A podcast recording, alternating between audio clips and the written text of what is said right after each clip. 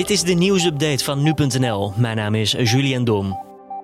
Sinds de herstart van de normale dienstregeling in het openbaar vervoer op 1 juni zijn slechts 20 boetes uitgedeeld aan passagiers die zich niet hielden aan de mondkapjesplicht.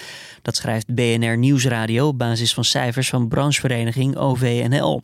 De boetes werden volgens de branchevereniging vaak uitgedeeld in combinatie met ander slecht gedrag en agressie. Per 1 juni is het voor reizigers ouder dan 13 jaar verplicht om niet medische mondkapjes te dragen in de tram, trein, bus of metro. Reizigers die zich er niet aan houden kunnen een boete van 95 euro krijgen. De brancheorganisatie beklemtoonde tevens eerder al dat de boetes een uiterst middel zijn. Het is niet de intentie van BOA's, treinconducteurs en stewards om gelijk overal boetes uit te schrijven. De familie van George Floyd heeft dinsdag afscheid genomen van hun dierbaren. Veel van de aanwezigen bij de uitvaart droegen witte kleding met daarop teksten als I can't breathe. Een verwijzing naar wat George Floyd riep toen hij ruim acht minuten op de grond werd gehouden door een agent, terwijl hij niet kon ademen.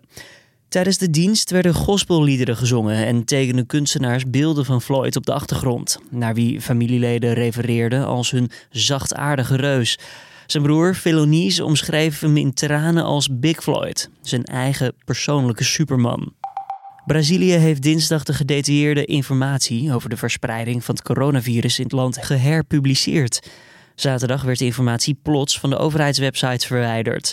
Het Braziliaanse ministerie van Volksgezondheid besloot onder meer informatie over het totale aantal besmettingen en invloed van de pandemie per regio te verwijderen.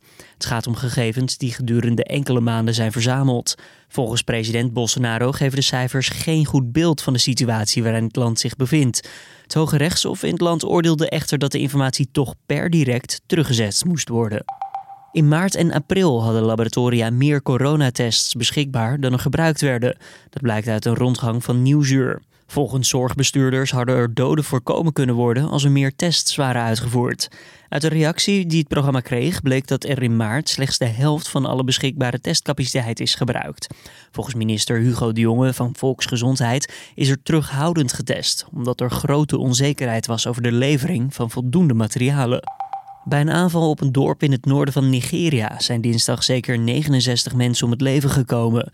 Terreurgroep Boko Haram zou verantwoordelijk zijn voor het bloedbad. Verschillende gewapende mannen zouden dinsdagmiddag een dorpje in de regio Borno zijn binnengevallen. De aanvallers hebben vervolgens niets heel gelaten van de plaats. Boko Haram heeft eerder laten zien niet te schuwen voor geweld. Zo ontvoerden ze in april 2014 meer dan 200 schoolmeisjes in het land.